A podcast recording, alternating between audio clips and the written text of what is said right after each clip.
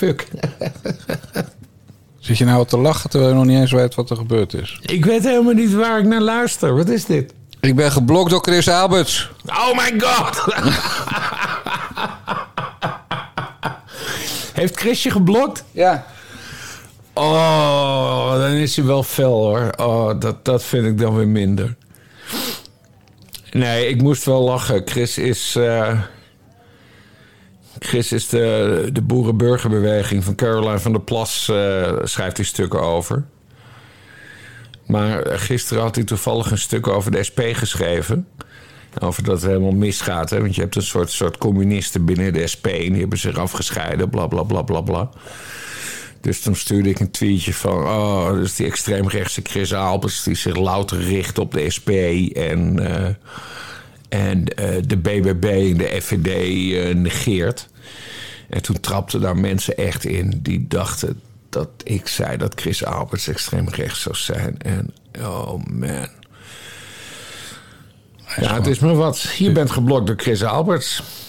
Ja, ik zit er nog steeds mee. Ik weet ook niet of, of ik het vandaag helemaal afrond, deze Na de Jongens podcast. Of ik het trek allemaal. Ja, is het zo zwaar? Ja, maar hij heeft, hij, heeft, hij, heeft, hij heeft wel een punt hoor. Hij, heeft, hij, hij is nu. Met mij blokken? Nee, ehm, eh, met eh BBB. Oh, met Yankee Boedoen. Oh, met BBB. Nee, daar ga ik het helemaal niet over hebben, man. Nee, nee, maar heel kort, heel kort. Kijk, Chris volgt alle partijen. Het maakt hem geen flikker uit of het links of rechts is. Ehm, eh, Caroline van der Plas, goede twitteraar, vind ik. Die reageert er luchtig op. Maar het corporate account, om het zo te noemen, van BBB... dat is continu aan het terugblaffen. En dat moet je niet doen als professionele politieke partij. Je moet dat BBB-account, daar moet je gewoon mee zenden. Hè? Dus je boodschap verkondigen. En niet de hele tijd Chris Alberts aanvallen. Nee, het zijn echt amateurs bij de, de boerenburgerbeweging. Nou, Albers moet je gewoon muten, levenslang. Kijk, wat weet je, Bas, die vuile vieze smiert... die blokt me dus eergisteren. Ja. En twee uur geleden zit hij met de retweeter, die tyfusleier. Dus hij heeft het echt het karakter van, van een dweil, van een kwal. Ja, het Gewoon geen ruggengraat. Het is een persoonlijke vriend van mij en ik steun hem. Ja, maar je gaat niet iemand retweeten omdat hij dan toevallig een keer iets twittert. Ten eerste omdat hij dan een keer iets twittert waar je het mee eens bent. Ja. Dat ga, daar gaan we het zo over hebben, over ongehoord Nederland. Maar iemand blokken en dan toch zijn dingetjes lezen, dan ben je zo'n ongelooflijke Ja, dat, dat, dat ben ik met je eens hoor. Dus- Dat ben ik met je eens. Ik, als je iemand blokt, eh, dan moet je ook de ballen hebben om hem verder te negeren. Ja, of sorry Jan, ik heb 10.000 mensen geblokt en toevallig zat mijn grote vriend Jan Dijkgraaf, naar wie ik ernstig Ja. opkijk ertussen. Dat had ook gekund. Ik zou Jan, ik zou, nee, ja, ik, als ik Chris was, dan zou ik jou niet blokken. Maar het betekent dus dat het laffe pielenmoosje nog een account heeft waarop hij me toch stiekem zit te volgen. En dat, daar hou ik zo niet van. Nee, gewoon een enge, laffe pisnicht. Oh nee, eh, ik zou, oh, zou me oh, netjes gaat gedragen. weer veel te ver, Jan. Een enge, laffe pis, meneer is het. Ik neem tenminste aan dat hij zich identificeert als man. Ja. Dat weet jij wel. ja, nee, Chris Nee. is een echte man. Ik heb En anders ontmoet. vermeende pismens. Ja. Het woord vermeend moeten wij erin houden. Nu, eh, nou weet je, Ja, Bas, we gaan nou, beginnen. Ik wil, ook. ik, Oh, wil, ik wil hier wel echt wel iets over zeggen hoor. Dat, want eh, daar schaam ik mij niet eh, voor. Los van het feit dat Chris en ik eh, al jarenlang bevriend zijn. Ik vind het heel dom van hem dat hij jou geblokt heeft. nou, dankjewel. Ja. Bij mij interesseert het natuurlijk geen ene fuck, dat snap je wel. het wa- was begin ook je er niet... Daarom begin je er ook over, Dijkgraaf. Het was ook niet de, de, de huilstem van Jan Dijkgraaf die je hoorde, maar eh, gewoon de eerste die ik kon vinden op YouTube. Want Chris Abers mag gewoon niet veel tijd kosten. Lieve, lieve, lieve, lieve, lieve mensen. Welkom bij alweer de 77ste aflevering van de Na de Jongens podcast van Niva Radio. Met Bas Paternotte en Jan Dijkgraaf. En we gaan vandaag een treurnis special maken. Ja, die begint met heel, heel slecht nieuws.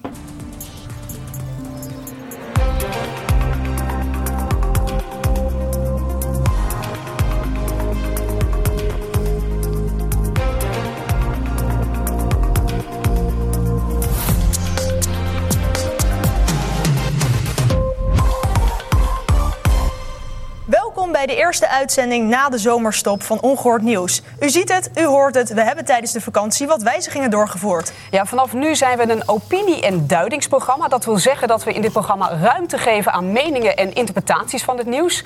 Ja, en verder eh, zien we een nieuw gezicht naast mij. We hebben afscheid genomen van Ahmed. En ik wil vanaf deze plek Ahmed natuurlijk even ontzettend bedanken voor het geweldige eerste seizoen. Maar we gaan weer vol voor een tweede seizoen. En dat gaan we met, eh, met Raisa doen. Welkom in ons eh, team. En op een andere plek, want we kennen jou natuurlijk eh, op de plek van Patrick, het panellid. Ja. Eh, voor jou natuurlijk even totaal anders. Hoe vind je het om hier te zitten als presentatrice? Hartstikke leuk, ik heb ontzettend veel zin in het aankomend seizoen. Het is inderdaad even een nieuwe rol, maar ik vind het echt heel leuk. Ja, nou, we hebben er heel erg veel zin in, inderdaad. Eh, we gaan weer mooie onderwerpen maken. Nou, niet dus. Bas, mag ik even? Ten eerste, als je iemand hoort zeggen... we bedanken iemand ontzettend voor het geweldige eerste seizoen... maar wel een schop in zijn lendenen gehad... dan weten wij dat is PR-praat. Als een nieuwe presentatrice zegt... ik heb er ontzettend veel zin in... dan weet je, nou, dat is geen topper. Maar godverde, godverde, godver Arnold Kaskers... Dan ben je van al die publieke omroepen de enige die twee plusjes op de diversiteitsschaal scoorde met één man, namelijk Ahmed Arad. Een rolstoel en een Marokkaan. Een gehandicapte Marokkaan Ja. is er uitgegooid. En waarom? In Dat- ruil voor een of andere blondine. voor, Walgelijk. Walgelijk. voor de omgekeerde mondhoek, zoals ik er al een jaartje noem. Ja, ja, ja, ja. Voor de mensen die die uitdrukking niet kennen, ga bij de volgende uitzending van Ongehoord Nederland voor je tv staan. Trek hem van de wand, draai hem een slag om, tenminste twee slagen, zodat hij op zijn kop hangt. En als ze dan praat, dan zie je een glimlach. Vandaar de omgekeerde glimlach. We, we gaan het zo hebben over onze... eh, Vriend eh, Ahmed. eh, nou ja, vriend. Elke Marokkaan in een rolstoel is onze vriend, Bas. Ja, maar oké, Marokkaan een rolstoel. Ik vond één ding wel slim. en dat is dat ze hebben gezegd... we zijn vanaf nu een opinie- en duidingsprogramma. Ja. En daarmee haal je eh, de wind eh, uit de zeilen van alle critici. Van dat ze geen journalistiek zouden leveren. Nou ja, ze geven nu toe, we gaan geen journalistiek leveren. We gaan opinie en duiding leveren. En eh, Vandaar dat ze ook de naam van het programma hebben veranderd. Van ongehoord nieuws in ongehoord nieuws. ja, nee, de, na- de naam is gek genoeg niet veranderd inderdaad. Eh, maar ik vind het wel heel erg slim. En eh, jij en ik, eh, wij zijn altijd voor de vrijheid van meningsuiting. Dus ik vind het wel een goede vinding hoor. Want dan, nu kunnen ze gewoon blijven uitzenden. Want ze hebben die disclaimer. We zijn een opinie- en duidingsprogramma. Ja, dat klopt. Nou, dat lijkt wel bijna nieuwsuur. Als ze nou gewoon even de naam ook hadden veranderd, dan Ja. was het echt logisch geweest. Wat was een goede naam geweest? Dat weet ik niet. Ongehoord opinie of zo. Nee. nee. Ze noemen zichzelf nu ook On, hè, in plaats van ongehoord Nederland. On. Nou, ze gaan nu helemaal voor on. Ja, zo, zo noemen ze zichzelf twee of drie keer. En dat in die tien minuten die ik geluisterd heb. ja, ja, ja. Maar ik vind het, het, het eh, dat, dit vind ik dus heel slim van ze. Eh, verder is het bizar eh, eh, dat ze dus die eh, Marokkaanse gehandicapten eruit hebben gegooid. Eh, het is bizar dat die Raisa Blommestein, die eh, verslaafd is aan Pepsi Cola, die drinkt 10 liter cola per week of zo. eh, dat die nu opeens presentator is geworden. Moeten ze allemaal zelf weten. U, u gaat, hè, zoals Dijkgraaf zei, uw televisie maar 180 graden draaien, zodat ze wel kan lachen. Maar die, die Ahmed, jij kent hem. Heb jij contact met hem gehad hierover? Nou, ik heb nu geen contact met hem erover gehad. Eh, maar eh, ja, ik ken Ahmed natuurlijk goed. En ik moet ook eerlijk zeggen, en niet dat ik hem geweldig vond hè, bij Ongehoord Nederland, die drie keer dag gekeken heb, maar het was wel de minst slechte van het RSO'tje. Ik vond hem de meest kritische van het spel. Ja, dat bedoel ik. En, en eh, kijk, ik denk dat ik wel weet eh, hoe dit komt. En ik denk dat het ook nog wel naar buiten komt. Want de laatste uitzending waar Thierry Baudet aanwezig was, dat was, meen ik, op 17 mei. Toen ging het niet zo lekker tussen Ahmed en Thierry Baudet. En ik heb daar een stuk van gevonden, maar het duurt wel meer dan drie minuten. Dus wil je het horen of ben je bang dat ik dan iedereen wegjaag? Ja, Laat me even horen. Kunnen we het daarna over hebben? Ja, dus mensen die hier willen pissen, die hebben gekeken naar Ongehoord Nederland. Daar heb je dan nu 3 minuten en 52 seconden de tijd voor. De ziekenhuizen herbergen nog nauwelijks coronagevallen. Maar minister Ernst Kuipers van Volksgezondheid waarschuwt dat we in het najaar nieuwe Omicron-varianten kunnen verwachten. Ook sluit hij nieuwe lockdowns niet uit. Filantroop Bill Gates, die een paar miljard dollar aan de ontwikkeling van eh, vaccins heeft besteed, doet er nog een schepje bovenop. you know, to be safe, every six months, uh, you're probably going to be vaccinated. As we get more data, they might even make that shorter for people who are, are you know, say 60 or over 70. Steek er where maar drie they- op, hoor, Bas. The even. seems to be a bit lower. Um, so we're in for ongoing vaccination to stay absolutely safe. Ja, Thierry, wat er nu allemaal weer gezegd wordt, vind jij dat een reëel scenario of denk je dat er weer enorm veel angst wordt gezaaid? Nee, ik denk dat, eh, dat er weer lockdowns worden ingesteld. Net zolang totdat de middenstand kapot is en eh, het sociaal kredietsysteem is opgetuigd. Het coronabedrog is bedoeld om eh, de vrijheid te beëindigen en een, een soort eh, ja, totalitaire slavernij met een soort wereldregering te realiseren. En deze Bill Gates die werd net aangekondigd als filantroop, maar het is gewoon een crimineel. Dat zijn grote woorden, misdadiger. En dat zijn al die mensen die dit, die dit hebben gedaan. Dit, dit is waarschijnlijk de grootste misdaad die ooit in de menselijke geschiedenis is begaan. De afgelopen twee jaar. En, Ja, Thierry, eh, dit zijn hele grote ja, uitspraken, dat besef je? Eh, en ehm, ja, wat hier dus nu gebeurt, ik heb het allemaal voorspeld in mijn boek. Het coronabedrog, het gaat nog veel verder, het wordt nog veel erger. Vanaf de zomer krijg je ook het eh, digitaal coronacertificaat in de Europese Unie. Ehm, dat is een opmaat naar een sociaal kredietsysteem. Thierry. Ze gaan het allemaal doen. De Great Reset is hier. En eh, ja, we kunnen het misschien nog net stoppen, maar dan moeten we nu wel in beweging komen. We gaan het zien. Ja, maar ik wil, wil het toch even... eh, je gebruikt inderdaad gro- grote, grote woorden.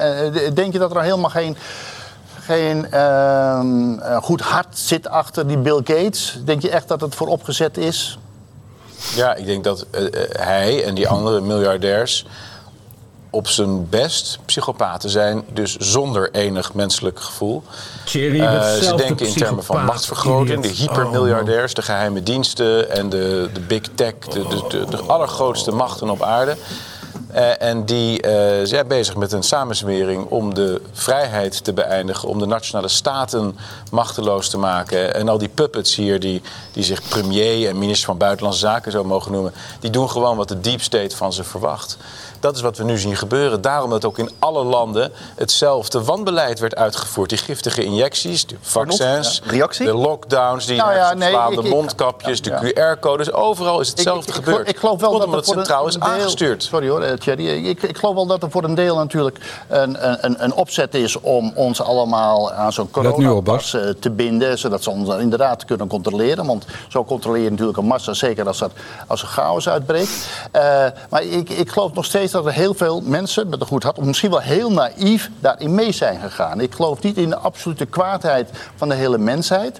Ik geloof wel dat een paar aantal mensen natuurlijk misbruik maken van de, van de situatie en daardoor hun. eh, Als je naar de Pfizer papers kijkt, als je naar de, dus de documenten van Pfizer over de proeven van de vaccins, wij- die zijn dit is voor een andere keer. Nee, maar echt waar. En uh, uh, iedereen die Dit is voor een andere gezien, keer, want het achterhouden van die data tekort. is een misdaad. Er zijn zoveel mensen gestorven door de bijwerkingen van die volstrekt zinloze, overbodige en door. injecties. Excuus. Ja. We gaan verder. Zes keer heeft Ahmed geprobeerd eh, hem te onderbreken. Ja, en dat doe, je, dat doe je niet bij de grote god. En nu is eh, Ahmed weg.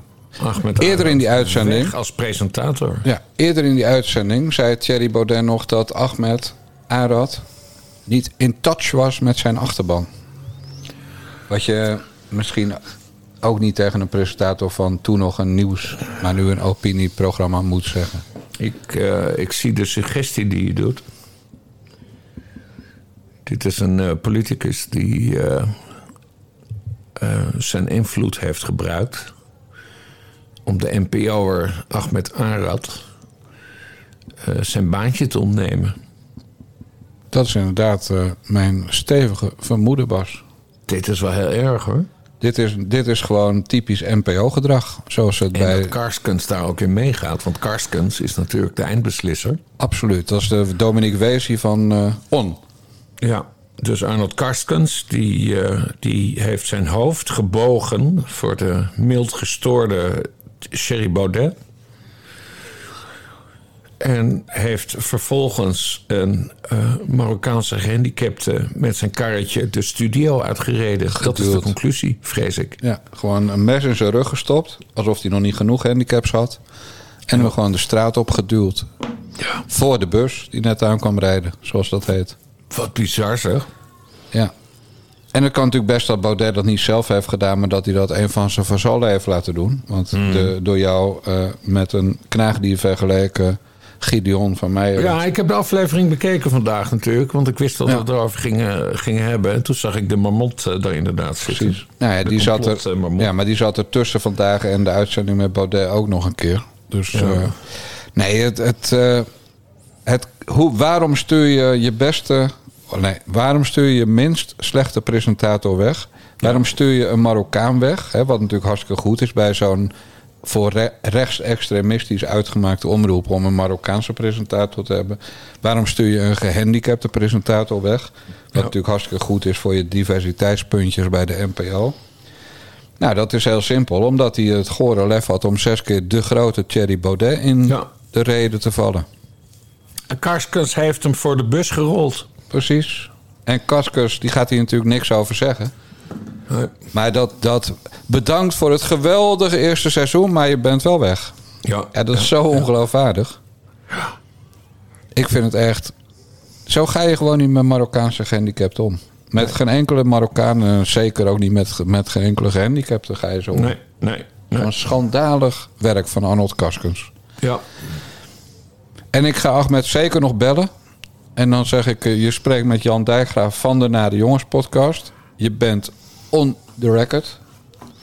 En dan ga ik het gewoon uit hem trekken wat er gebeurd is. Ja, dan, we laten hem dan gewoon even inbellen een keer. Dat is leuk. Voor volgende week wellicht. Ik weet niet. Ja.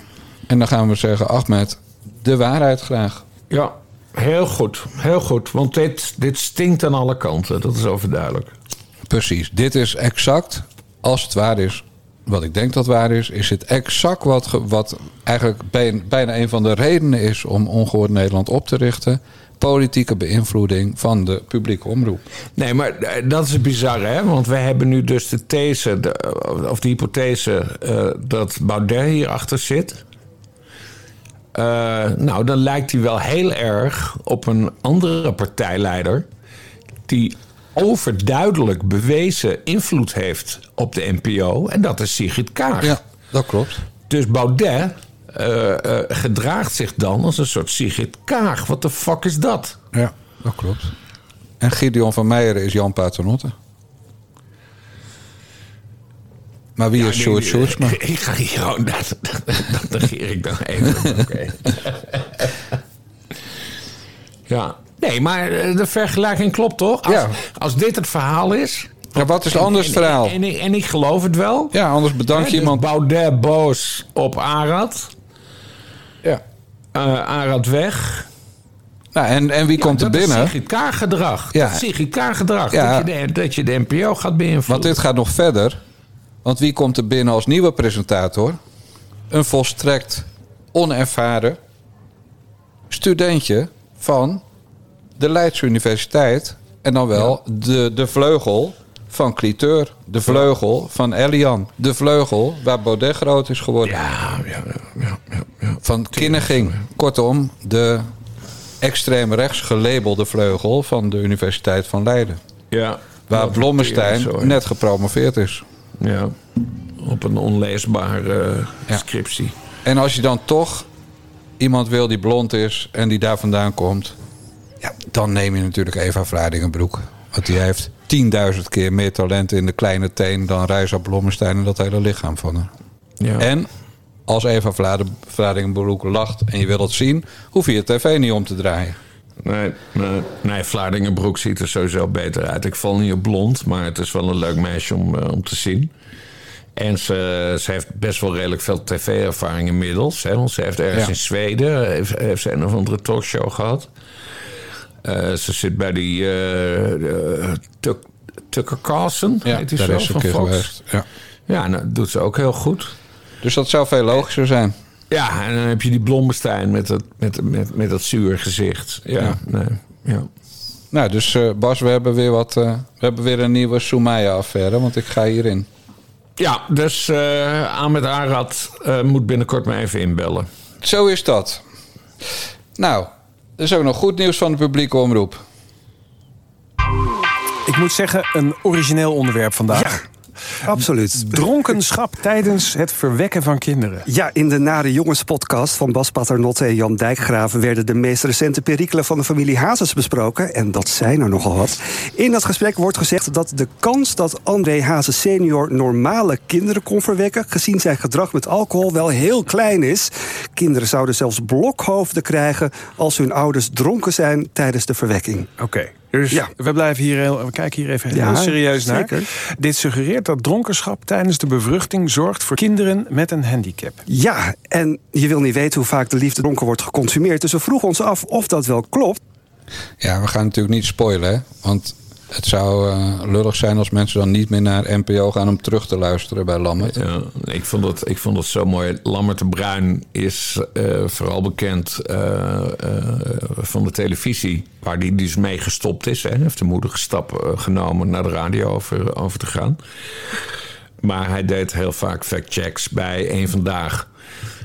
op een hele goede wijze. Dus niet zoals die zure Rudy Bauma van Nieuwsuur. Nee, Lammert die, die, die ging gewoon dingen, dingen onderzoeken. Deed dat op tv, doet het nu op de radio. Ik zag hem, eh, ik zag hem maandag tweeten dat hij eh, onze uitspraak zou gaan factchecken. Ik dacht dat het een grapje was. Ja, ik geloof er ook niks van. En ik geloof er ook niks van. En toen heeft hij er echt een serieus item van gemaakt. Vind ik wel super sympathiek. Lammert is sowieso hartstikke leuk. De vaste luisteraar weet dat, eh, dat Lammert en ik ook samen zaken hebben gedaan. Hij heeft op een gegeven moment het eh, servies van Nancy Sinatra eh, gekocht. En toen heb ik een deel van dat servies heb ik weer van Lammert eh, overgenomen. Waardoor ik dus eet van borden van de Sinatra-familie. het, het uitpakmoment is terug te vinden op, op YouTube. God. nee, echt? Heb je dat? Ja, nee, tuurlijk. gezien? Ja, joh, maar je hebt al drie Ja. keer verteld. Dus ik denk, ja, nee, oh. oké. Ja, nee, ik vond het heel mooi van Lammert.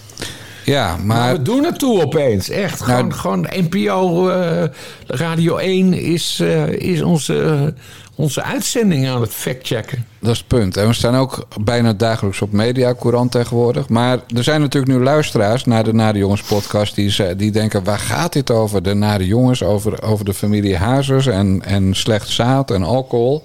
Ja. Maar dat komt omdat dit gedaan is in onze Nare Jongens Friendcast.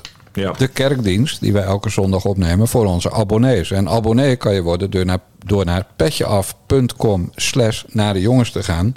En voor slechts 4 euro per maand of 40 euro per jaar... krijg je dan elke week maar liefst twee extra podcasts. Namelijk de Nare Jongens Friendcast, een ecumenische kerkdienst... uit de Bassie en Jan Moskee in Utrecht. En de podcast Bellen met Bassie... waarin we altijd even een actualiteit doornemen. Drie podcasts per Voor- week, meneer Dijkgraaf. Voor 40 euro per jaar. Dat hadden wij toch een jaar geleden niet kunnen bedenken. Nee, een jaar geleden hadden wij één krakkemikkige podcast... en kregen we elke week 40 mailtjes met... kunnen jullie niet eens iemand naar het geluid laten kijken? Want dat is helemaal kut. Ja, Elke week, tientallen. En we zijn gewoon doorgegaan, Bas. ja ontwikkelen. En ik, ik heb gewoon dat stekkertje een keer goed in het apparaat gestopt... en sindsdien krijgen we zelden meer klachten over het geluid. Ja. Zo simpel is het soms in het leven. We hebben zelfs één keer een hele podcast opgenomen. En na eh anderhalf uur zei Dijkgraaf... ik heb het niet opgenomen, we moeten het opnieuw doen.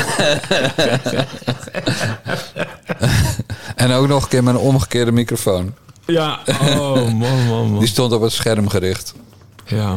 Ja, goed bezig zijn we. Maar Ja. we zijn door die beginfase heen gegaan, de start-up fase. We zijn niet onstuimig gegroeid, maar sinds we bij petjeaf.com slash naar de jongens zitten, groeien we gestaag door. En als we duizend abonnees hebben, we zitten nu al ruim boven de 700, maar bij duizend komt er een meet and greet met Bassie in de alpaca van de familie Dijkgraaf. Met een biertje. Ja. En een fotosessie. Ja, en de, en, en de mensen moeten maar even die aflevering eh, met Lammert eh, terugzoeken op, eh, op, op Radio 1. Eh, en we zullen niet de spoiler geven, maar ehm, eh, eh, hij zegt niet dat we ongelijk hebben. Hè? Nee. Viel je dat op? Want de stelling was dus dat André Hazes junior een kapatenkop heeft gekregen...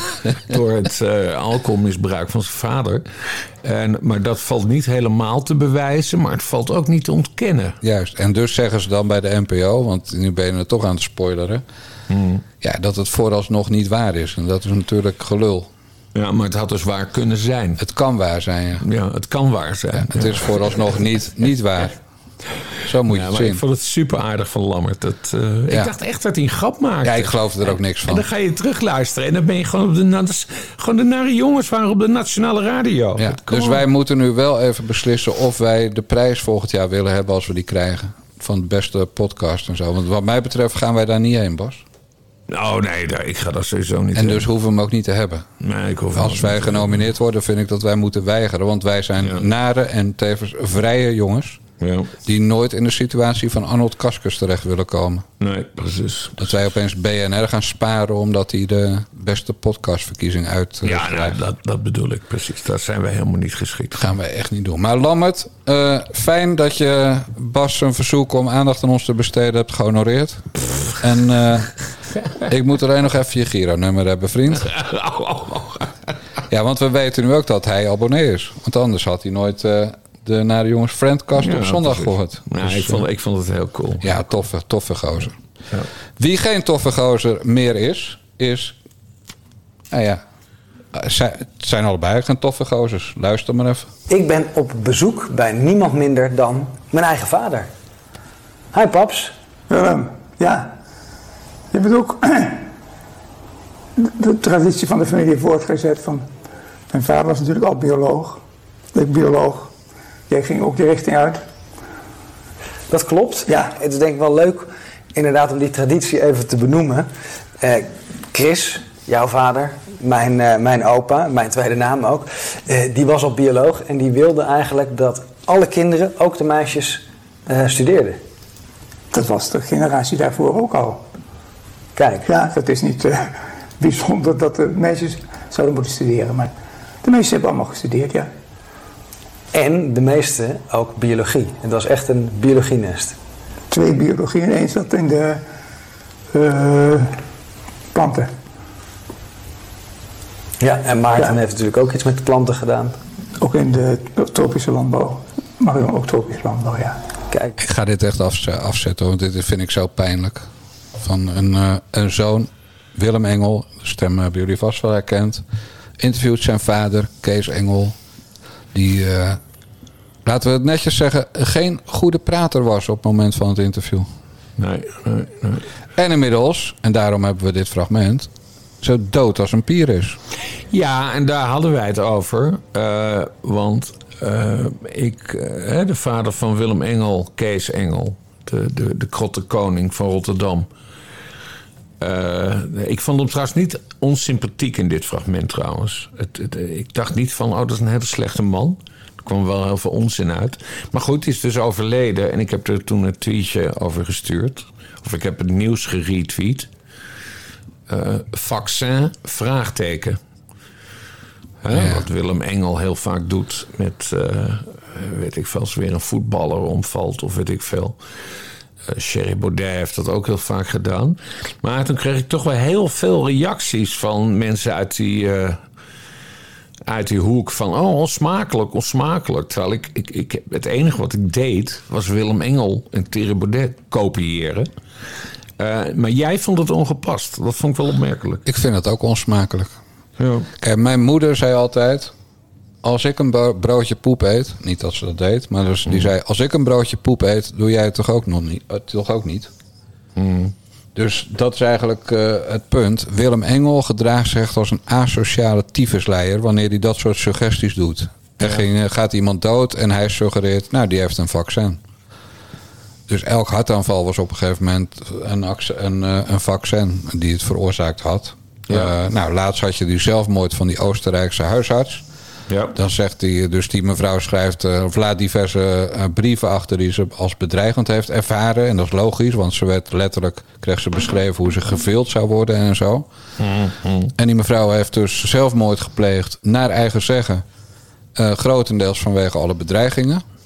En wat zegt Willem Engel? Nou, kreeg ze niet gewoon vroeging over al die prikken die ze heeft gezet? Dus dan ben je gewoon een smerige, vuile, vieze tyfusleier. In dit geval dus Willem Engel. Ja. Maar dat wil toch niet zeggen dat als hij zo is, dat wij ook zo moeten zijn? Maar zo, ja, zo kijk jij dus ook naar mij. Dat ik een Ja, vuile, ik, vieze ik vond dat jij gisteren een vuile, vieze, smerige tyfusleier was. Maar ik ga, ga eerlijk tegen je zijn. Ik heb natuurlijk ook, ik heb dus een stukje gemaakt op mijn 99 woorden. Waarin ik schrijf, of nee, met toetje was dat. Waarin ik schrijf eh, dat natuurlijk heel veel mensen die grap van Willem Engel gaan kopiëren. Die geen grap is, maar die die dan zogenaamd meent. Maar die foute opmerking. Eh, en dat, dat ik dat eh, ongepast vind. Maar natuurlijk heb ik ook overwogen eerder die dag om het ook te doen. Alleen ja, ik heb dus gekozen voor nee, ik ga, niet, ik ga me niet verlagen tot het niveau van Willem Engel. Ja. En, Dus jij en waarom? bent- jij bent minder naar dan Bas Paternotte. Eigenlijk wel. Maar in dit geval, hè, dat kan in een ander geval kan het zo anders zijn. Maar die Kees Engel, hè, dat is, Kees Engel was de krottenkoning van Rotterdam. En wat betekent dat? Hij kocht allemaal pandjes op die gesloopt moesten worden. En daar liet hij mensen wonen. Ja. Eh, de visie van de gemeente Rotterdam is dat hij daarmee mensen uitbuiten. Want mensen konden, het waren meestal mensen die niet meer aan een huis konden komen op een normale manier. Een beetje zoals op dit moment alle jongeren in Nederland die niet uit een asielzoekerscentrum Ja, komen. ja. Eh, maar ook crimineeltjes en drugsdealers. Nou, die ga- gaf hij dan in zo'n krot onderdak voor geld. Dus de, ver- ver- de visie van de gemeente Rotterdam en ook van mij is... ja, dan maak je misbruik van mensen. Maar de visie van een aantal van die mensen zelf, de betrokkenen, was... ja, maar hij geeft ons tenminste een dak. En precies hetzelfde gebeurde bij Camping Oranje... wat ook een grote criminele tyfusbende werd... waar hij zijn ogen voor sloot. Maar er waren ook mensen die zeiden... ja, maar bij Kees kunnen we tenminste een dak krijgen... en water en stroom als we het niet kunnen betalen. Eh, en dus voor het uitschot van de wereld, ook al ben je eh, zonder schuld uitschot geworden, hè, dat kan ook, je dakloos eh, enzovoort, was hij soms wel een aardige vent. Ja. Maar objectief gezien is iemand die, die dan te veel geld eh, verdient aan zulke mensen en multimiljonair wordt, ja, is gewoon een vieze smeerpijp. Maar dan nog vind ik niet dat als hij dood is. eh, kijk, ik zei bijvoorbeeld in een van onze vorige podcasts. Ik hoop dat Media Courant weer meeluistert. Dat iemand die zijn vrouw slaat en een stuk uit de neus probeert te bijten. en op de rug bijt en aan de haren trekt. wat mij betreft de kogel kan krijgen. En dat bedoel ik dus Peter Gillis. Want ik vind vrouwen slaan en bijten het laagste wat er is. Ja. Dat is ook heel grof om dat te zeggen. Hè? Dus, dus maken mensen dan soms een doodswens van en bedreiging en weet ik het allemaal. Maar dat is het niet. Maar die engel was een, die oude engel dus, dat was een, een smeerlap. Hij is niet voor niks uitgekocht door de gemeente Rotterdam voor miljoenen. En met eh, de boodschap, kom, als koop nooit meer een pand in deze stad. Ja. Maar voor sommige mensen was hij ook wel goed. En ik vind gewoon dat die man er niks aan kan doen. Ja, feitelijk natuurlijk wel, want hij heeft zijn zaad geleverd. Maar hij kan er niks aan doen dat Willem Engel, die vreselijke smeerpijp, zijn zoon is. Maar resumerend, vind jij dat ik de grap niet had moeten maken? Ik vind, ik ken jou, Bas Nuance Paternotte, als Ja. iemand die, die hem wel bedenkt, hem ook optikt, maar dan niet op cent drukt. Net als ik dat heb gedaan gisteren. Ja, ja, ja. Dus natuurlijk denk je dat, want als je het niet denkt, dan ben je geen creatief eh, persoon. Eh, aan de andere kant dacht bijna iedereen het gisteren. Van, eh, nou, wie gaat het zeggen en wie slikt hem in, die opmerking tegen Willem Engel. Maar het echt opvallende trouwens, even tussen ons, is dat, dat je aan Willem Engel niks merkt. Hè? Je merkt niet van, eh, ik weet, ik weet nog hoe ik was toen mijn vader doodging. Eh, nou, toen zat ik niet de volgende dag weer eh, allemaal tweets te sturen met, eh, waarin ik mensen zat af te zeiken en zo. Nee, ik zag vandaag nog een tweet van eh, Willem Engel. dat hij ook over die kwesties zegt van. Hè, dus die, die, die, die, die camping. hoe heet het? Code- Camping Oranje. Camping Oranje. Dat hij zegt van ja, dit was ook gewoon een testcase voor de Ja. overheid. om, om een camping te onteigenen vanwege eh, het coronabeleid. Waarmee hij ook gelijk een link heel slim legt met de stikstofdiscussie. Waar we het ook over onteigeningen hebben. ja, maar het is, Ja, dat dus- is Willem Engel. Ja. Dat is... eh, dus die is weinig menselijk hoor. Of zijn die vader interesseert hem ik, wil, ik wil... Ik weet niet of Willem Engel luistert naar onze Ik hoop het podcast. toch niet. Nee, maar ik wil wel nog iets aardigs tegen hem zeggen. Het is natuurlijk nooit leuk om je vader te verliezen... en daar wil ik hem wel mee condoleren. Laat onverlet dat ik achter mijn grap blijf staan. Vaccin, vraagteken. Moet je hem nou echt nog een keer herhalen ook. Ja, ben ik toch weer genuanceerd hoor, Dirk. Het wel knap. Ja, heel genuanceerd om nog een keer die grap te maken. Terwijl ik, terwijl ik jou net een stukje opvoeding heb proberen te geven als senior. Ja, ja. Ja. hier verschillen wij gewoon echt van mening. Ik vind gewoon dat je die tweet moet eh, kunnen plaatsen. Dat, eh, ja. Ja, dat en vind pausrechten, dus ik, ik Ja, jij kan alles goed. maken. Ja, Ja. Jij komt eerder in de hemel dan Willem Engel. exact. Ja. Maar goed, dat condoleren, ga ik, condoleren van Willem Engel ga ik dus echt niet aan meedoen. Want. Ja. Dat heb- weer niet. Dat Nee. is weer dubbel, Jan. Nee, waarom? Ik condoleer alleen mensen die ik ken. En, we- en Ja, god, is ken ik Willem Engel. Het is toch zijn vader? Het is toch gewoon triest als je je vader verliest. Ik weet niet eens hoe oud die man is geworden. Misschien is het prima leeftijd geworden. Zo zag je er wel uit, ja. Ja, hij zag er niet heel gezond uit, inderdaad. Nee, ik vind dat gewoon. eh, Nee, ik heb er geen enkele moeite mee om die hele familie tegelijkertijd af te zeiken. en mijn oprechte condolences aan te bieden. Nou ja, ik hoop dat die oude Engel heel veel geld had. Want hij had meerdere kinderen, bleek uit dat interview eh, met zijn zoon. En als hij nou heel veel geld had en Willem krijgt daar een kwart van... of een vierde of een derde, weet ik hoeveel kinderen die had... dan hoop ik dat Willem stopt met het uit de geld kloppen van zielige mensen van donaties. Ja, nee, eh, die, die Kees Engel, dat, dat was een multi, eh, multimiljonair. Ja. Dus Willem ik kan neem, aan, ik neem aan dat ze met die, eh, die advocaat van hun, of het is niet eens een advocaat, maar heet die? Willem Pols? Pols? Ja, die cocaïne-transporteur, ja. Ja, precies. Ja. Dat Jeroen dat Pols. allemaal heeft, de- Jeroen Pols. En dat het allemaal is geregeld. En dat Willem Engel en zijn broers... ja, die zijn nu allemaal multimiljonair. Dus daar hoef je niet echt medelijden mee te hebben in dat, eh, in dat opzicht. Ja, dus geen donaties meer aan Willem Engel. Dat is denk ik het beste, de beste nasleep van de dood van Kees Engel. Ja. Ja, de krottenkoning van Rotterdam is niet meer. Nee. Wat trouwens een prachtige naam is. Ja. Hè? Ik weet niet of het een eretitel is, maar wij vinden het een prachtige naam. Ja. Bas, dan gaan we nu naar de West.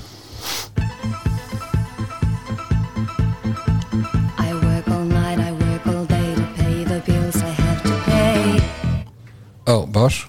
Ja. Dat ging natuurlijk niet goed. Je moet alleen... Het gaat namelijk over, die, eh, over Suriname. Ja. Sylvana en zo, met die, eh, die eh, herstelbetalingsstrip. Ja. Dus van werk is geen sprake. Dus je moet alleen luisteren naar het refrein. Oké.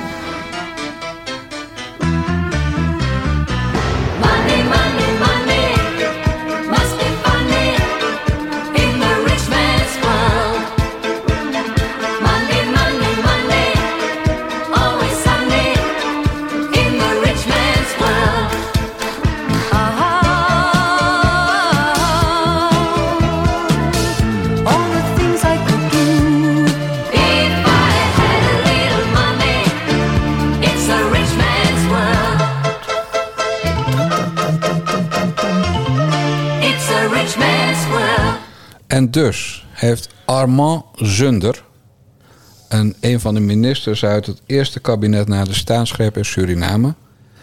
eh, en tegenwoordig degene die eh, de herstelbetalingen moet gaan regelen. Een boek geschreven, 10 jaar geleden, 12 jaar geleden, 2010. En dat boek heeft als titel, laat niks aan duidelijkheid te wensen over, herstelbetalingen.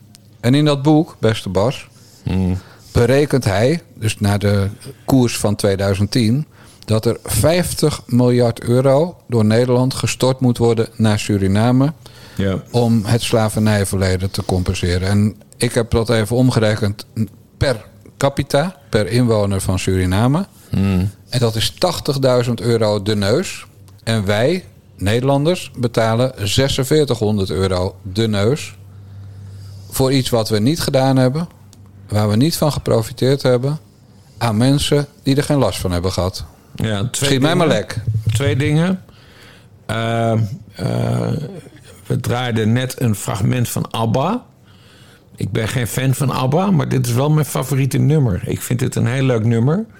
Twee, eh, ik, ik heb een briefje of een, of een, of een 90 woorden of, of een toetje. Want je, je bent ook echt multi aan het produceren. Gelezen over die meneer Sundert. Heet hij Sunder, Sundert? Armand Sunder.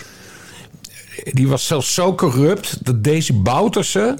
Ja. De oorlogs... Of de, hoe heet dat? De, de, de- hoe heet hij nou? De nog wat leider. Dat, dat hij hem uit zijn kabinet heeft gegooid.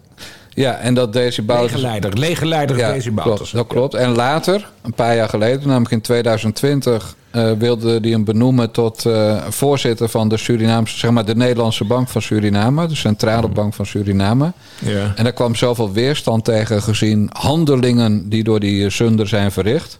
En dat zijn dus geen fraaie handelingen bij twee bedrijven. dat Daisy Bouterse zei, nou, je wordt maar geen directeur van de Centrale Bank. Maar de- hoe bizar is dat? Dat Ja. zelfs legerleider Daisy Bouterse... Die, die vervolgd is of wordt voor, voor cocaïnehandel en weet ik veel. Veroordeeld zelfs, van, ja. Deze, deze, deze man is voor mij veel te corrupt. Ja, toen ging Sunder dus niet naar de centrale bank, maar werd wel directeur van de Belastingdienst. Eh, wat ook grappig is. En ook dat duurde maar een paar maanden. Toen verdween hij daar ook. En nu is hij eh, ja, adviseur her en der. Maar zijn business zijn, eh, is dus nu vooral herstelbetalingen. Ons geld. En dan zitten daar dus negen van die kneus uit de Tweede Kamer. Onder wie Jesse Klaver, Ket, Kat, Kitty Piri, Katty Piri. eh, mevrouw Belhaai van D66. Kiki Hagen, die subsidiefraudeur van D66 die de subsidie heeft teruggegeven voor ik weer gezeik krijg. Nou ja, een stoet van dwergen uit de Tweede Kamer. eh, met natuurlijk ook de immer zieke, maar deze negen dagen even niet zieke Sylvana Simons. Die zitten daar naar die zunder te luisteren. Dat hebben ze gisteren gedaan, om precies te zijn, van half vier tot half vijf plaatselijke tijd. Hebben ze even het boodschappenlijstje opgehaald bij meneer Zunder. En dat is dus 50 miljoen miljard euro uit 2010. En ik maak me sterk dat we het dan inmiddels hebben, gezien de geldontwaarding, inflatie, over een miljardje of 80, 90, 100. Ja, nou, dat gaan we niet aan ze geven. Suriname wilde onafhankelijk zijn. En eh, de, de lieve koningin eh, Juliana heeft ze die onafhankelijkheid eh, geschonken. Plus 3,5 miljard gulden. Ja, dus nee, gaan we, gaan we niet doen. Gaan we niet doen? Geregeld? Oké. Ja. Dan vrees ik dat ik toch één keer eh, aan jou moet vragen om privé en zakelijk eh, niet te scheiden. Even een belletje naar neef Jan. We gaan dit dus niet doen. Om het even af te hechten. Ja, Jan, dit gaan we dus niet doen. Anders ga ik, eh, ga ik alles vertellen wat ik van je weet. Ja, je stuurde mij trouwens een tweet met een foto van de boezem van Belhai. Ja. Maar ik, ik, ik weet niet, ik, ik, eh, ik, heb die, ik heb de hele reis niet gevolgd. Waar kwam die foto vandaan? Ja, die foto was een groepsfoto die gemaakt werd na een van de vele bezoeken die ze daar in Suriname. eh, Kijk, wat ik wel in Surinaams voordeel moet zeggen, ze doen het allemaal van ons geld, dus uiteindelijk Hmm. eh, is dat de, dat, eh, de regering, Hmm. eh, in tegenstelling tot onze RVD, altijd hele goede eh, foto's gratis beschikbaar stelt. En deze foto was, ja, die was van staatswegen verstrekt aan de media. Maar haar boezem kwam op een beetje vreemde manier uit, begreep ik. Ja, begreep ik. Je, dan moet je gewoon. Het, het is een soort. eh, zoals je in mijn jeugd had je op de. Op de eh, kermis had je zo'n ton met. En dan kon je dan eens. Het lag dan onderin papier. En dat draaide snel rond. En dan spoot je de verf op. Ja. Dat kreeg je van de psychedelische vrou- eh, dingen te zien. Je had ook van die t-shirts met van die psychedelische eh, tekeningen. Nou, dat heeft zij ook. Maar precies bij de tieten, zeg maar bij de tepel, staan dan twee stippen. Jezus. Dus een darter zou precies weten waar hij moet gooien. Als je begrijpt wat ik bedoel. Nou, en jij bent natuurlijk eh, de Mr. Stijltweet al meer dan tien jaar. De man die volstrekt objectief de kleding van de politici beoordeelt. Ja, eh, Renske Leijten, die liep in een soort pyjama, een soort gevangenispak. Dus Het was niet het ergste, maar eh, ja, het was gewoon raar dat die twee stip, dat, dat die zo'n psychedelische cirkel precies eindigde met een stip op de tepels. Vermoedelijke tepels, laat ik het dan maar zo zeggen. Want ik weet nooit of de zaak hangt of niet natuurlijk. Nee. Ben je wel eens in Suriname geweest? Nee, verder ben ik op alle overzeese plekken die ooit tot Nederland behoorden wel geweest. Maar nooit in Suriname. Nee, ik zou heel graag nog een keer eh, Parimaribo willen bezoeken. Want ze hebben daar een. eh, er staat een kathedraal in Paramaribo, de hoofdstad van Suriname. Maar die is volledig opgetrokken uit hout. Dat zo bijzonder. Dat moeten de mensen straks maar even googelen. Ik zou dat ding wel een keer willen, willen zien. En dan gewoon even op en neer, want het is mij veel te warm daar. En ik trek de hit in Nederland dan niet, dus laat staan in Paramaribo. Maar ze hebben daar dus een prachtige houten kathedraal. Sheila Sital Singh heeft mij daar een keer op, eh, op gewezen. En ik heb dat ding helemaal uitgegoogeld. En het is echt prachtig. Ja. Je weet dat eh, Jurgen Rijman een mattie van me is, hè? Ja. Kan natuurlijk gewoon regelen dat we een keer gaan. Ga ik mee, maar niet voor één dag. Dus wel, eh, we gaan wel even een paar nachten daar. eh, Nee, dat trek ik niet. Ik, wil- trek die hitte niet. Ik, trek, ik, zit Ik hier wil sowieso naar Lange ik Tabbetje. half naakt deze podcast op te nemen, ja, maar Jan. dat kan daar toch ook? en dan zeggen ze, Half naakt in de houten kathedraal. dan zeggen ze, wie is dat kleine mannetje naast Emiel Ratelband? Zeggen ze dan. maar ik, weet je, alleen al voor de naam, naam Lange Tabbetje wil ik er een keer heen. En het lijkt me ook wel grappig om alle vaders van de broers en zussen van Sylvana Simons op te zoeken. Dat zijn er een heleboel. Dan drinken wij eh, 14 kopjes koffie. of 13. Laat, daar wil ik vanaf zijn. Ja, ja. Ja, goed. Weet je, maar eh, het is gewoon weer waanzin natuurlijk, hè? 80.000 Nou ja, euro. Na het reces gaan we terugzien. Want dan komen er, komen natuurlijk voorstellen over, over herbetaling, eh, toestanden, herstelbetalingen en toestanden. En verder een compliment aan Femke Halsema... die een paar weken geleden ook dezelfde tour heeft gemaakt... als de negen Kamerleden nu. En die zei, excuses geen probleem... maar herstelbetalingen, fuck it mensen. Ja, dat is heel goed van Heel Femke. goed van onze Femke. En, en, en, en ze hebben dus een soort Disney Experience slaventoestand daar. Eh, dat Femke, eh, hoe heet dat, eh, ketenen eh, om, zi- om zich zou krijgen. En toen heeft ze gezegd, nee, doe ik niet aan mee. Ja, geen, die kans gaan we ze niet geven. Nee. hey, eh, ik had een probleempje vanochtend. Want jij stuurde een appje met... eh, ik wil het over Onno Hoes hebben. Maar ik kon eigenlijk geen goede fragmenten van hem vinden. Ja. Dus ik heb een fragment over Onno Hoes. Mag ik je toyboy toch zo fijn. Oh no, mijn lieve oh no, ik wil voor altijd bij je zijn. Oh no, ik sta wel gek op jou. Oh ik wil met jou op sjouw. Oh no, mijn lieve oh no, jij bent de man waar ik zoveel van hou. Ik ben spoorverliefd op een hele nette man. Hij is een stukje ouder, maar ik denk wel dat het kan. Ik heb al mijn moed verzameld en ik dacht, je weet maar nooit. En heb ook goed geluk een tweet eruit gegooid. Maar nog geen uurtje later reageerde hij spontaan.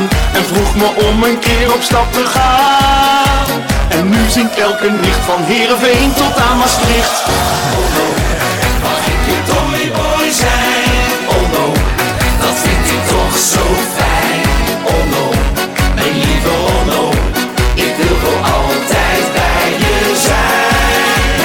Ik had hem gemist, die carnavalshit. Maar gaaf. Ja. Wat is er in godsnaam aan de hand dat we het over Onno Hoes moeten hebben, Bas? Nou, ik stond er dus ook van te kijken. Want dit, eh, dit bericht, dit kwam... eh, eh, het, het is vandaag dinsdag, dus het kwam maandagavond laat. kwam het binnen. Onno Hoes, oud-burgemeester van Maastricht. ex-man van... och, kut. ben ik- Naam, gelijk naam vergeten, hè?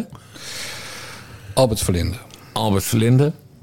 Eh, hij Ik heb even een, eh, een persalarm. Oh? Opnieuw beslag gelegd bij Van Linde en zakenpartners... onder meer woningen en auto's. Ja, de Fiat. ik zie hem. Verdomd. Nou, gaan we het een andere keer over hebben. Gaan we het een andere keer over Ga hebben. verder over Albert dacht, want Verlinde. Ze hadden, ze hadden al beslag gelegd, hè? Op, Op rekeningen. Op rekeningen? Ja. Oh, maar ze gaan nu ook achter de woning en auto's. Ze, ze gaan Siewert uitkleden. Ze gaan Siewert uitkleden. Dan komt straks zijn eikeltjes pyjama, dezelfde als Jesse Klaver eh, Ja, precies. in de Telegraaf. Ga verder. Sorry. Mooi man, semi-live eh is altijd Gaan we het ook snel live gooien? Dat moet nu wel weer. Ja, ehm, eh, nee, maar goed. Onderhoes is dus nu al een tijdje interim-voorzitter van de VVD. En opeens kwam via de Telegraaf het bericht binnen dat hij eh, nu gewoon officieel VVD-voorzitter wil eh, worden. Eh, en dit is echt ingestoken door kwaadaardige VVD'ers. Want anders kwam, kwam de verder uitstekende Telegraaf. eh, verslaggever en chef van de Haagse redactie Inge Lengten er niet mee. Maar er is heibel binnen de VVD om Hoes.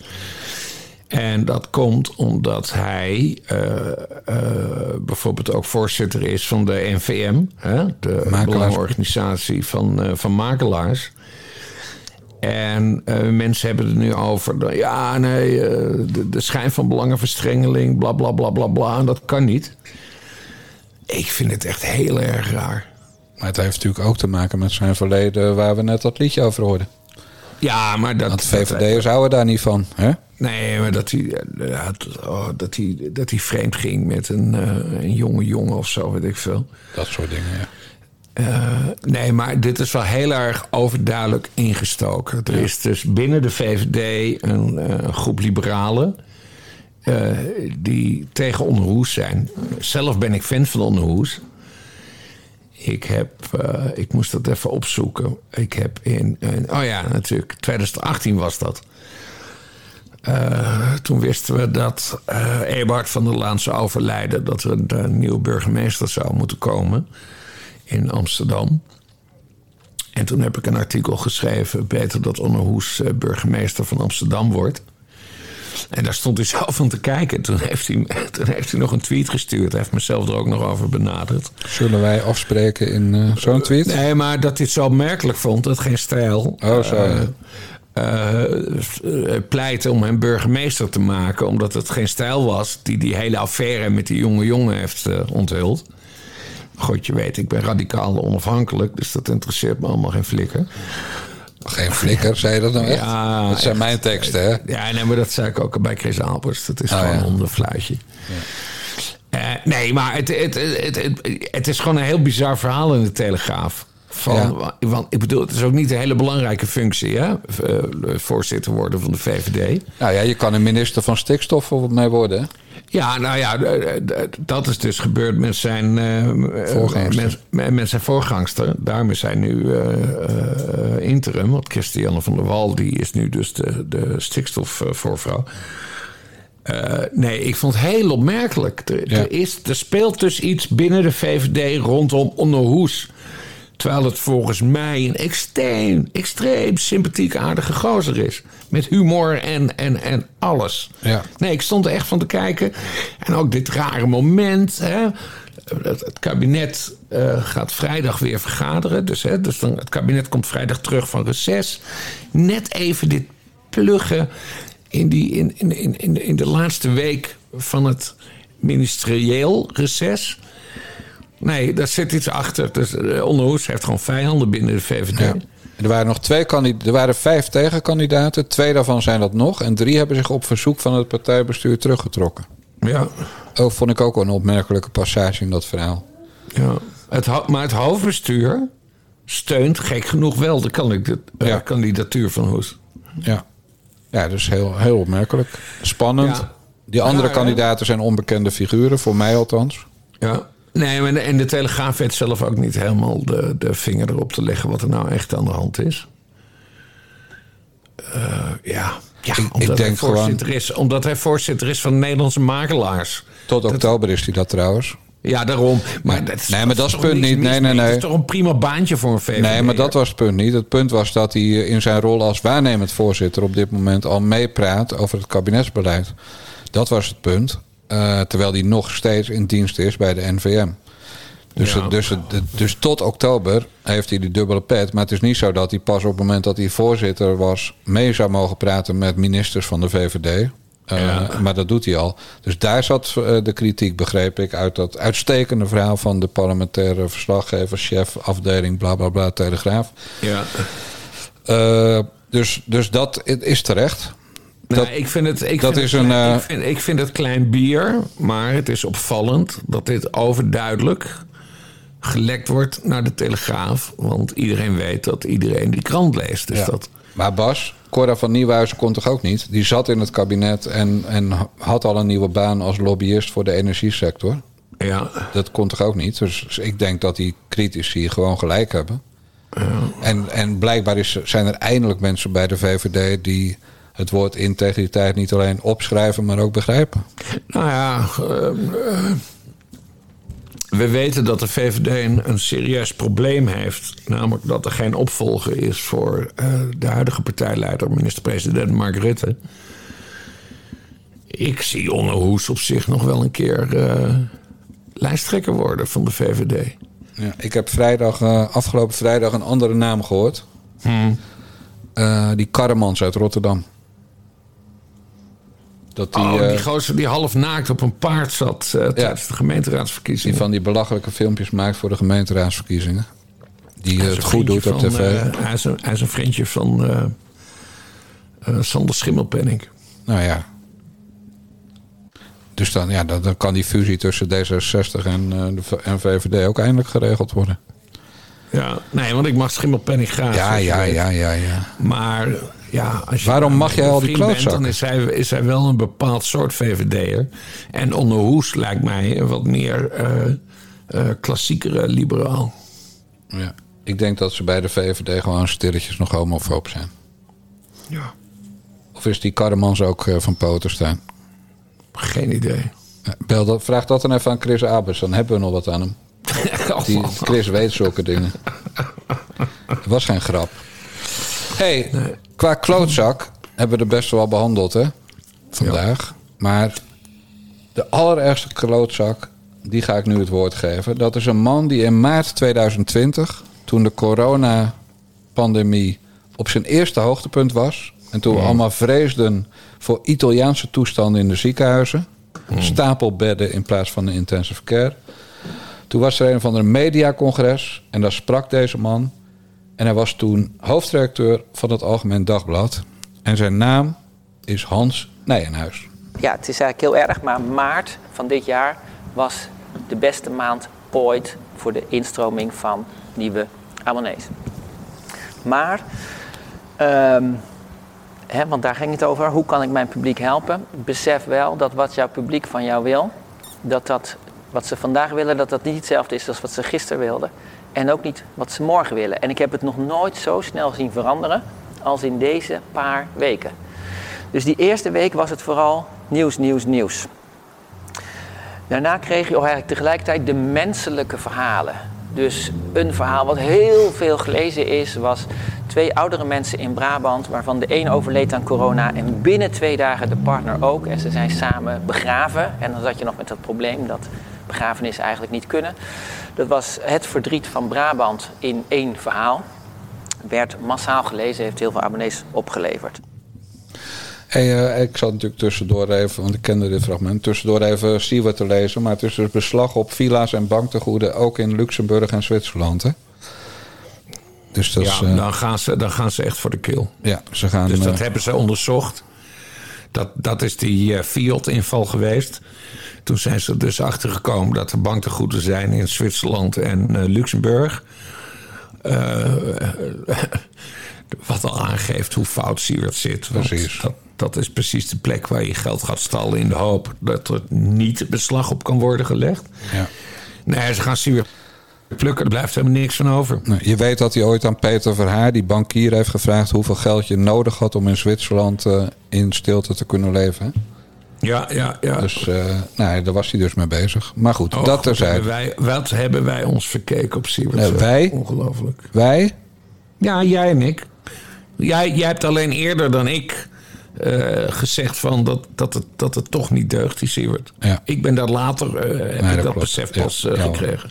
Ik vond hem toen jij met die kinderwagen binnenkwam op de redactie van HP de Tijd met dat ventje erin, vond ik hem aandoenlijk. En, Ja, ik vond hem ook aandoenlijk. En eh, hyper intelligent. Nou, dat ik blijkt. Had het dus nooit, ik had het dus nooit van hem verwacht dat hij de. Want dat heeft hij eigenlijk gedaan. Stelen. Dat hij de Nederlandse samenleving, de belastingbetalers, zo zou naaien. Had ik nooit van hem verwacht. Echt niet. Klopt. Nou goed, Hans Nijenhuis dus. Ja, dat, maar dat, dat vind ik een grotere eikel dan Siewert eigenlijk. Absoluut. Ja. Ja. nee, maar dat is, want Hans Nijhuis heeft niet gejat, maar hij heeft wel een krant kapot gemaakt en dat is de AD. Want hij is inmiddels geen hoofdredacteur meer. Dat is een Renny Rijpma. Maar die heeft wel zijn beleid volledig doorgezet. Dus gisteren kon je in het Algemeen Dagblad de kop lezen dat eh, het in Afghanistan het afgelopen jaar, het is een jaar geleden dat de Taliban het eh, gezag weer overnamen, het is in Afghanistan in dat afgelopen jaar niet allemaal slechter geworden, kopt het AD. Meen je niet? Ja. En ik heb dat verhaal gelezen, want ik ben eh, digitaal abonnee, abonnee, want ik wil Angela de Jong elke dag lezen. En daar staat nou, niet veel in wat die kop onderschrijft. En dat betekent dus dat het een clickbait kop was. Want eigenlijk zegt die verslaggever dat bijna alles slechter is. En voor vrouwen natuurlijk alles echt slechter. Maar, en hij zegt dat sommige dingen al slecht waren... voor de Taliban het, gez- het gezag weer overnam. Ja. Dus hij zegt dat wat dan slecht is niet de schuld is van de Taliban... maar het was al zo. Maar een kop maken met niet alles is slechter geworden... Dat is echt van eh, het niveau Hitler had ook zijn goede kanten en dat dan menen. Nee, maar bizar dat ze dat nu een jaar later doen. Want een jaar geleden, toen, toen kreeg je eerst die verhalen... eh, van, ja nee, is de Taliban 2.0. Dat, het, eh, ze zijn minder fel dan vroeger. Maar inmiddels weten we al lang dat het gewoon een grote teringzooi is in Afghanistan. Dus dan is het raar dat ze na een jaar, terwijl iedereen weet hoe het werkelijk zit... dat je dan met zo'n bizarre kop komt. Dat is toch freaky? Nee, maar je weet hoe dat tegenwoordig bij zo'n krant gaat. Hè? Want het zijn geen nieuwsorganisaties meer, maar bladenmakers. Alleen dan zonder nietjes in het papier. Dus daar wordt vergaderd over de insteek van een verhaal. Van hoe zullen we dat... Het is een jaar geleden, Kabul. Weet je wel, dat, dat Kaag al die Nederland... Kaag en, eh, eh, en die dwerg van het CDA, hoe heet ze? Bijderveld. Een jaar geleden dat hij, Ne- dat hij daar de Afghanen die Nederland hebben geholpen in de steek lieten. We, we gaan er een verhaal over maken, want een jaar later is altijd een verhaal. Wat is de insteek? Nou, laten we zelfs insteek doen dat de Taliban ook goede dingen heeft gedaan voor de mensen in Afghanistan. Dan ben je toch gewoon verknipt, ben je gestoord. Ja. En Hans Nijhuis, ja, Hans Nijhuis is niet meer schuldig, maar het is wel, eh, het is wel een ja, regime Nijenhuis hoor, dit soort dingen. Ja, ja. Nee, wij hebben, wij hebben samen hebben wij metro gemaakt. En volgens mij hadden, hebben wij nog nooit een gesprek over de insteek gehad. Omdat wij erop gericht waren gewoon kritisch te berichten. Hè? Wij waren fair and balanced en brachten het nieuws. Volgens mij heb ik nog nooit met jou een gesprek gehad van... Oh, wat, wat, zal, wat zal de insteek worden? Ik weet nog precies hoe het ging, Bas. Eh, Ik zei 600 woorden of 1200 woorden en dit bedrag. Ja. En zei jij, ik stuur een facteur. Ja. Hoe zei je dat? Uurtje factuurtje. nee, niet uurtje factuurtje. Ja. Het was gewoon een vast bedrag per pagina of twee pagina's. Ja. En als je een opening krant maakt, dan kreeg je geloof ik extra geld. Ja, een euro per woord. Nou, kijk, gewoon... Those were the days. Een euro per woord. Ja, opening krant, 500.000 oplagen. Ja. Eh, twee- 1,6 miljoen lezers.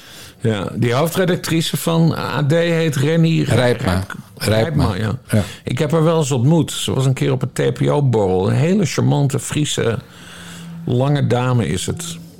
En nou hè? Nou ja, dit is gewoon een, st- een stukje... eh, Human couleur, interest. Lokaal eh, gooi ik er even bij. Bas, toen ik mezelf heb leren lezen, voor ik naar school ging.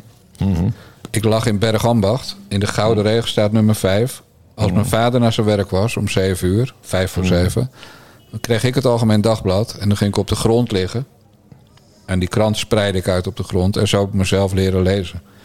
Ik heb tot mijn 42ste het Algemeen Dagblad gelezen. En daarna heb ik hem nog stiekem gelezen. Maar tot mijn 42 had ik een abonnement met zo'n papieren ding door je brievenbus. Ja. En daarna kocht ik hem af en toe los en heb ik hem digitaal gelezen. Maar Hans Nijhuis en die Rijpma... die hebben echt... Ja, zoals Thierry, Thierry Baudet dat noemt... zijn ze totaal niet meer in touch met de achterban. Nee. Het is een D66-krant geworden tot in het kwadraat. Ja, maar AD, AD was vroeger toch Arbeiderskrant. Ik heb, het, ik heb het AD nooit heel goed gelezen hoor. Dus daarom weet ik het niet. Maar AD was vroeger toch gewoon een serieus concurrent van de Telegraaf. Ja, Qua, een Rotterdamse qua berichtgeving. Precies, een Rotterdamse arbeiderskrant. Ja. En, en Rotterdam en omstreken was, was dan het, eh, het belangrijkste punt. En Nijenhuis heeft er gewoon een D66-krant voor gemaakt. Gisteren had Nijenhuis, want hij is nu weer, hij is, ge- ge- hij is teruggeplaatst vrijwillig. Hè? Dus hij is geen hoofdredacteur meer, maar commentator en verslaggever. Dan is hij weer vrij om te doen wat hij wil. Dan heeft hij altijd vergaderingen. Maar gisteren had hij een nieuwsverhaal. eh, dat, het, eh, dat, dat mensen die veel kraanwater gebruiken extra belast moeten worden. En dan staat daar. Want we, dus dat nieuws is prima hè, dat hij dat brengt, want dat is blijkbaar nieuws. Ja. Maar het, het verhaal gaat wel uit van we moeten. We moeten minder kraanwater. Dat is geen journalistiek, dat is activisme. Dat was de insteek. Ja, precies. De insteek is, ja, het is heel goed dat mensen die hun tuintje sproeien, dat die extra geld gaan betalen. Nee, pik. Ja, ik heb, ik, de, ach, ik heb zoveel voorbeelden waarom ik die Nijhuis een lul vind. Ehm, ja, laten we daar niet je aan beginnen. Nee, maar je had, toen, je had toen die columniste met die hoofddoek, wiens naam ik al lang Anina vergeten. Adjari, of zoiets. Ja, of Adjarai. Die dus, die dus helemaal geen columns kon schrijven. Totdat ze een keer met een goede column kwam. nee, maar weet je nog? Ja, over MH17. Ja, tuurlijk. Ja, dat was gewoon een goede column. Hè? Want zo, zo schrijf je een goede column. Dat mensen boos worden. Toen heeft hij er gelijk uitgegooid. Ja. En eh tweede was dat hij, dat heeft hij toen zelf toegegeven op een of ander filmpje op YouTube. Dat de minister-president Mark Rutte onder druk zette. Van ik kan jou maken of breken, vriend. Ik kan Wilders premier maken. Ja, oh, dat was het. Ja, ik kan wel. Oh, wat ben je nou een eikel? Waarom laat je. Oh, ik, ik, Verder had hij natuurlijk die, eh, die, die, die, die teringleier uit Zaandam. Die, eh, die, die, die treitervlogger. Heeft hij natuurlijk, eh, Oh, ja. gaf hij zogenaamd een baan. En flikkerde die ook na drie filmpjes eruit. ja, ja. Hij heeft eh Wier Duk weggepest. Ja. Nou ja, ik weet niet of wie het er echt slechter van is geworden. Hij heeft Chris Klomp op de redactie gezet. Nou, Ja, kan je dat mensen aandoen dat ze plan. daar naar moeten kijken? Ja. Hij heeft zoveel dingen. Maar het allerbelangrijkste is dat hij de ziel uit die krant volledig veranderd. Van een Nee, maar hij arbeiders... kwam, ook, hij kwam ook van een hele andere kant Ja, weg. NRC. Want Hij is, hij is opgeleid bij NRC Handelsblad. Ja. En dan, en, dan, en dan denk je opeens dus dat je dat AD... Hè, en daarom vroeg ik dat aan jou, hè, de- wat, wat dus eigenlijk een serieuze concurrent van de Telegraaf Ja, was. 100 procent. Ja, dan ga je daar een soort wijvenblad van maken. Nee, dat schiet niet op. Nee. En ik weet van sollicitanten die met hem een gesprek hebben gehad... dat hij ook gewoon zegt... het enige wat me interesseert zijn clickbaits. Kliks, kliks, kliks, kliks. Dat is het enige waar het om gaat. En dan krijg je koppen als... nou, de Taliban heeft ook goede dingen gedaan. Ja.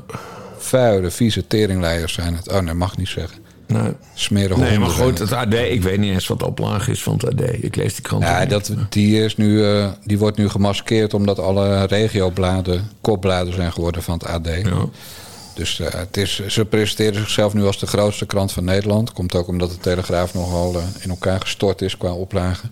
Ja. Maar het AD zelf is niet groter dan de Telegraaf hoor. Maar het enige wat ik leuk vind aan het AD, want die stukken lees ik wel, is dat Jan Hoedeman, die vroeger bij de Volkskrant zat, die zit nu bij het AD en die heeft af en toe nog wel een primeur. En hij heeft een geweldige zomerserie, eh, Vissen. Vissen met Jan. Ja. Dat hij dan met eh, politici eh, gaat vissen op, eh, op, de, op de kop van Scheveningen. Ja. Dan vertelt mijn neef Robert, die vertelt dan dat hij vroeger heel vaak ging vissen met zijn vader. En dan zie je hoe hij een, een zeebaars vasthoudt. Ja. Nou, die heeft echt nog nooit van zijn leven En dan voordat. zie je dat hij dus nog nooit echt Nee, heeft. Die heeft nog nooit een vis vast gehad. Nee, precies. En als hij dat wel had gehad, was hij zo snuger geweest om de, de bloedende eh, mond, bek van die vis weg te draaien van de camera en de andere kant te laten fotograferen. Ja, ja. Want nu is nog een smerige dierenmishandelaar ook. Hij had ook zijn handjes niet nat gemaakt, wat vissers ook altijd doen. Ja, ik Kortom, zal- ik- goede ik wil- serie. Ik wil, dit, dit roept een, een jeugdherinnering op. Want ik ben, nooit, ver- ja, ik ben heel gek van dieren. En ik ben daarom ook nooit visser eh, geweest. We zijn één keer met, op de lagere school zijn we wezen vissen. En toen had ik een, eh een voorentje, heet dat volgens mij. Had ik een voorentje gevangen. En ik kreeg hem niet van, eh, van de haak. En toen kwam mijn, eh, de juf. Die zei, ik doe het wel. en die trok zo het hele binnenwerk van die vis eruit. Wat voor mij een enorm jeugdtrauma is. Echt die hele binnenkant van die vis, die werd gewoon binnenste buiten getrokken. Dus ja, sindsdien heb ik weinig met vissen. Maar die serie van Hoedeman vind ik wel leuk. Ja, maar eigenlijk ben jij dus verantwoordelijk voor eh, de moord op een voren. Ja, een vorentje. Nou ja, of het nou groot is of klein, maar een voren. Ja. En die had kinderen kunnen krijgen. Misschien was het wel, zat er wel kuit in. Die had allerlei kleintjes kunnen krijgen. Dat het een heel gezin kunnen worden. Ja, een gezin, sloot vol. Ja. Ja. Eh, door, de, door de paus gevangen vissen. Vorentjes. oh nee, niet de paus zelf nog. Iemand met pausrechten. Pausrechten. Maakt toch indruk. hey, eh, ik heb eh, Phil Collins weer gevonden. Ja. Want wij hebben de goede gewoonte om iedereen die via petjeaf.com slash naar de jongens abonnee te worden, te bedanken. Dus ja, wat mij betreft ga ik dat doen, Bas, als jij dat goed ja, vindt. want we lopen een beetje achter. Dus Ja, we hebben we iets lopen- in te halen. We lopen achter. Ja, een week. Ja. Zijn er veel. Komt-ie. We bedanken Gaby, Wiel, Ari, Frank, Wabe, Jolanda, Frank, Jopke, John, Sander, Yvonne, Roelof, Harry, Johan, Rachel, Erwin, Richard, Casper, Pascal, Roland, Klaus, Jeske, Jan, Sabrina, Frankie, ZB, René, Paul, Axel, Sheila, Bert, Bert, Bert, Bert, Ilonka, Berry, Mathieu, Stijn, Ari, Hans, Margreet, Danielle, Roderick, Erik, Peter, Raymond, Mark, Daan, Marielle, Marcel, Erik, Monica, Rutger, Peter, Corina, AJ, Harry en Suzanne voor het feit dat ze abonnee zijn geworden van de Nare Jongens podcast. Toch weer weinig Ahmeds, hè? Nu het zegt. Terwijl we nog wel een moslim eh, special hadden afgelopen zondag. Ik, ik vind dat een goed punt van je. Ik, let, ik zie geen namen. Zo zeg je het toch? Ik zie geen kleur. Ik zie geen namen. Hmm. Eh, we hebben een paar afkortingen. AJ.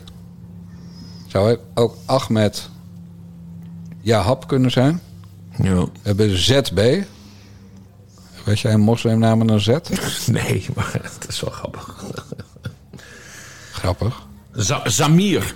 Dat is met een S. Samir is dat. Oh, oké. Ja goed, ik ga dat ook niet googlen nu. Maar ik denk dat je gewoon gelijk hebt dat wij heel veel blanke abonnees hebben, Bas. Ja, terwijl ik toch streef naar een meer inclusievere eh, podcast. Ja. Want daarom eh, zijn wij ook zonder zo- aanzien des persoons bezig. Daarom hebben wij ook eh, ja, het heel erg voor Ahmed Arad opgenomen. Marokkaan, rolstoel. Maar we worden in ieder geval beloond. Nee. Want ik kan je vertellen dat Ahmed Arad zelf... even niet op die wet letten, dat je het allemaal niet mag vertellen... maar met een snelle blik zag ik geen Ahmed Arad op onze abonneelijst. Nee. Ook geen Arnold Kaskers trouwens. Dat snap ik. En geen Thierry Baudet. Ik snap er allemaal niks van, joh. Wat hebben die mensen wat tegen ons of zo? Dat zou zomaar kunnen. hey, eh, we gaan de, later deze week gaan we weer bellen met Basje doen. Zondag zie ik jou weer in eh, de Basje in Jan Moskee in Utrecht. Als, Yes. jij, eh, als het lukt om bij die Turk dat zaaltje af te huren. Anders doen we het in een snackbar bij jou op de hoek.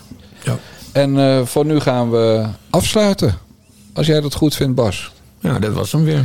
Ja, dat was hem zeker. Dit was aflevering 77 van de Naar de Jongens podcast van Niva Radio. Onze website is nivaradio.nl. Abonneren kan via petjeaf.com slash jongens. Dan krijg je wekelijks ook de Bellen met Bassie podcast. En op zondag vanuit de Basje en Jan Moskee de Ecumenische Kerkdienst. De Mazzel.